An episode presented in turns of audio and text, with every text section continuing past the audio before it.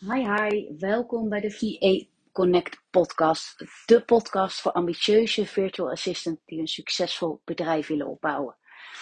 Deze podcast is bedoeld voor VA's uh, en ik ga business tips met je delen, inzichten, dingen die ik zelf heb meegemaakt. En vandaag wil ik het met je hebben over mijn ondernemersreis. Waarom wilde ik VA worden? Hoe ben ik aan mijn allereerste klant gekomen? Etcetera. Nou, we gaan een aantal jaren terug. Ik had het al een post niet naar mijn zin op mijn uh, werk mijn baan in loondienst.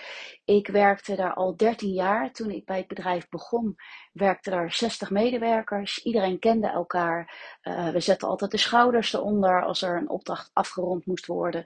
En het was uh, ja, een superleuke club om, om bij te werken. Um, het bedrijf groeide echter gigantisch hard. Toen ik wegging uh, waren er meer dan 350 medewerkers. En het bedrijf was ook overgenomen uh, door Amerikanen, waardoor iedereen meer een nummertje werd dan uh, ja, dat er nog naar jou als persoon gekeken werd. Um, een heleboel verschillende functies gehad. Um, account executive, campagne manager, projectmanager. Dus wel altijd een beetje in de rol van spin in het web. Het regelen, Um, voornamelijk op het gebied van uh, websites uh, en sms'en. Dat deden we toen heel vaak nog, sms-campagnes.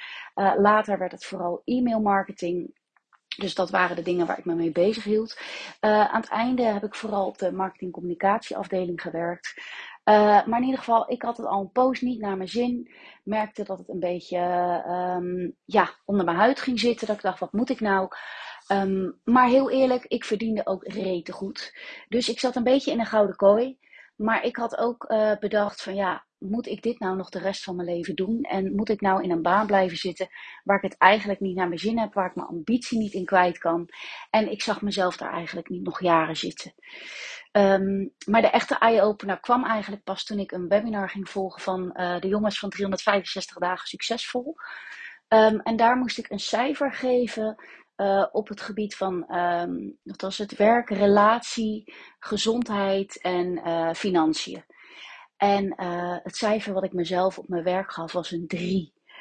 En zij gaven aan dat eigenlijk het laagste cijfer wat je geeft, op welke van die gebieden dan ook, dat dat eigenlijk het cijfer is wat dan voor alle gebieden geldt, omdat het gewoon van invloed is op alle andere zaken. En dat was voor mij zo'n eye-opener dat ik dacht van ja, als ik het dus niet naar mijn zin heb, dan heeft dat dus zo'n impact op de rest van alle dingen uh, die ik ook belangrijk vind. Uh, hier moet ik iets mee. Alleen kwam daar zelf niet zo heel erg uit. Dus ik ben op zoek gegaan naar een coach. Die heb ik ook gevonden. En daar ben ik mee gaan brainstormen wat ik dan uh, ja, verder wilde, welke richting ik op wilde. Ik wilde ook heel graag een keer iets voor mezelf beginnen. Uh, ik kom totaal niet uit een ondernemersgezin. Dus dat vond ik ook wel spannend. Uh, kan ik dat wel? Wil ik dat wel? Durf ik dat met name wel? Um, maar toch had ik ook zoiets van, ja, ik heb liever, dat is mijn motto trouwens, ik heb liever iets geprobeerd uh, en dat ik spijt heb dat het niet gelukt is, dan dat ik spijt heb dat, um, dat ik het nooit geprobeerd heb.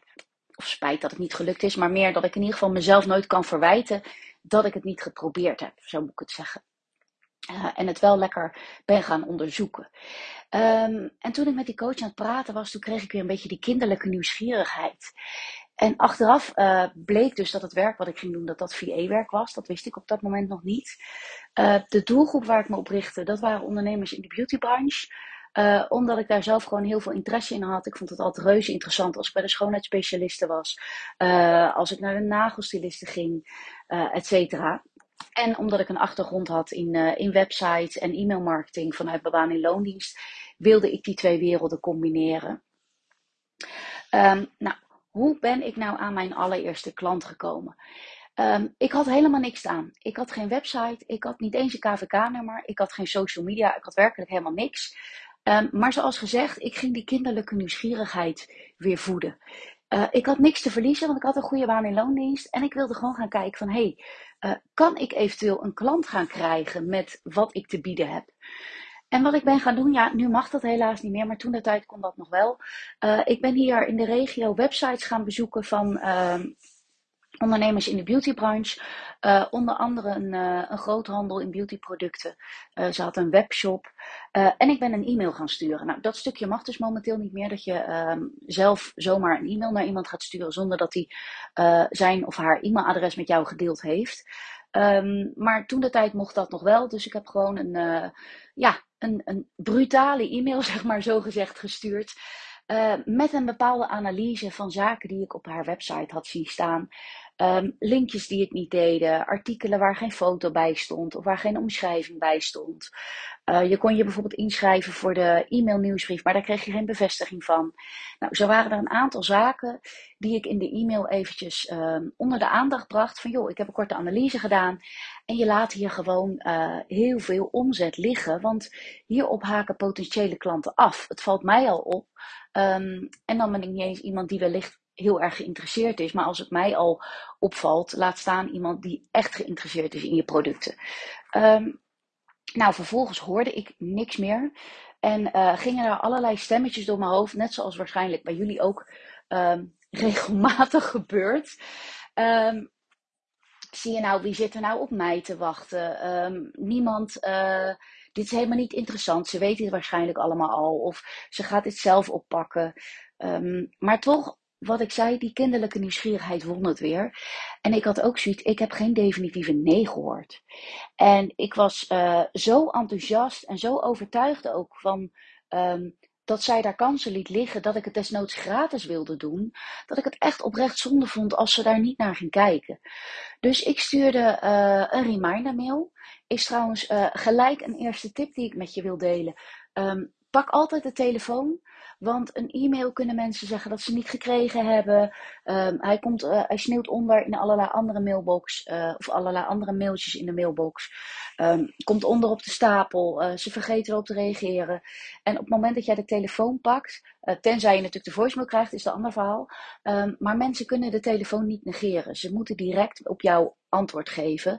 Um, en dan weet je in ieder geval veel sneller of iemand ja of nee geeft. Of je kunt eventueel een terugbelafspraak maken waarop iemand wel de tijd heeft om uh, vol aandacht naar je te luisteren. Um, maar goed, dat wist ik toen nog niet. Dus ik stuurde een, uh, een reminder mail. En zoals mijn eigen coach altijd zegt, uh, mailen is de laffe vorm van bellen. Maar goed, ik, ik stuurde die mail. Um, en eigenlijk binnen vijf minuten belden ze mij terug. En ze gaf aan, ik heb je eerste mail gelezen en ik ben hartstikke blij dat je uh, contact hebt opgenomen. Want uh, dit is precies waar we behoefte aan hebben.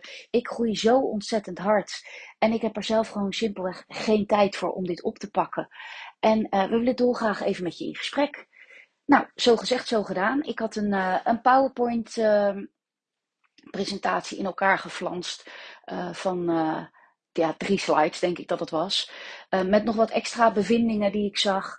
Uh, hoe ze nog meer omzet kon behalen en uh, wat ik daar eventueel in zou kunnen betekenen. Nou, ben op, op gesprek gegaan. Een heel open gesprek, nogmaals, omdat ik totaal niet de insteek had om daar heel erg sales of als een salesgesprek in te gaan. maar meer vanuit de vrijblijvendheid, de spannendheid, of hoe noem je dat?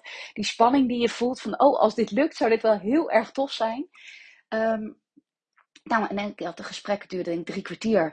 En ze zeiden, nou prima, ga het maar doen. En ik kreeg gelijk een opdracht van 40 uur om de hele website te analyseren. Te kijken waar alle linkjes het niet deden. Uh, welke foto's nog ontbraken, welke tekst ontbraken.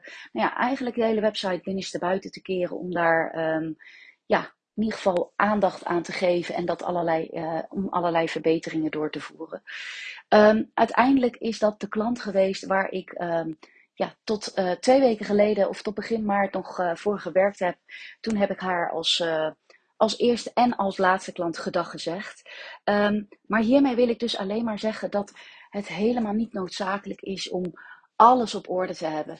Je website, je social media, um, je KVK-nummer.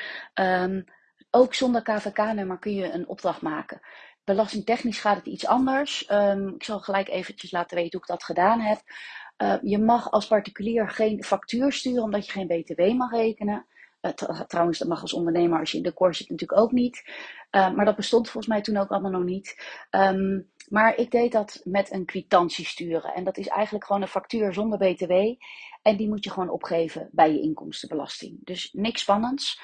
Ehm, ik heb dat een maand of drie, denk ik, gedaan. Toen heb ik ook een aantal andere klanten op die manier geholpen. Onder andere ook via haar weer aan klanten gekomen. En ehm, toen pas ben ik een KVK-nummer gaan aanvragen. En pas nog drie maanden later ben ik weer uh, een website in de lucht gaan, uh, gaan gooien.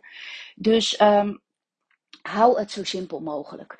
Uh, dit was in ieder geval mijn start van mijn bedrijf. Um, wat ik zo leuk vond aan het VA-schap was vooral de afwisseling, de eigen invulling van de uren.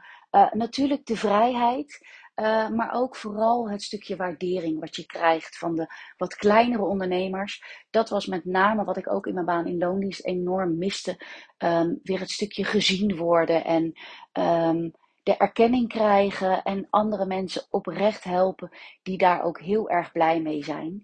Uh, waar dat vaak vanuit loondienst uh, van je verwacht wordt vanuit je rol en vanuit je functie natuurlijk. En daar krijg je je salaris voor.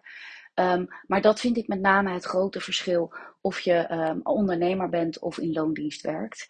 Uh, nou ben ik natuurlijk reuze nieuwsgierig hoe jouw ondernemersreis verlopen is. Uh, waarom jij VA wilde worden. Um, laat dat eventjes weten. Ik ben bereikbaar via LinkedIn onder mijn eigen naam, Rachelle Barnhoorn, uh, met een Q. En Laat ook even een review achter. Uh, dat kan uh, in de Apple Podcast of in Spotify. Zou je me ontzettend mee helpen. Uh, deel deze podcast eventueel ook met andere VA's die je kent. en dan wens ik je voor nu nog een hele fijne dag.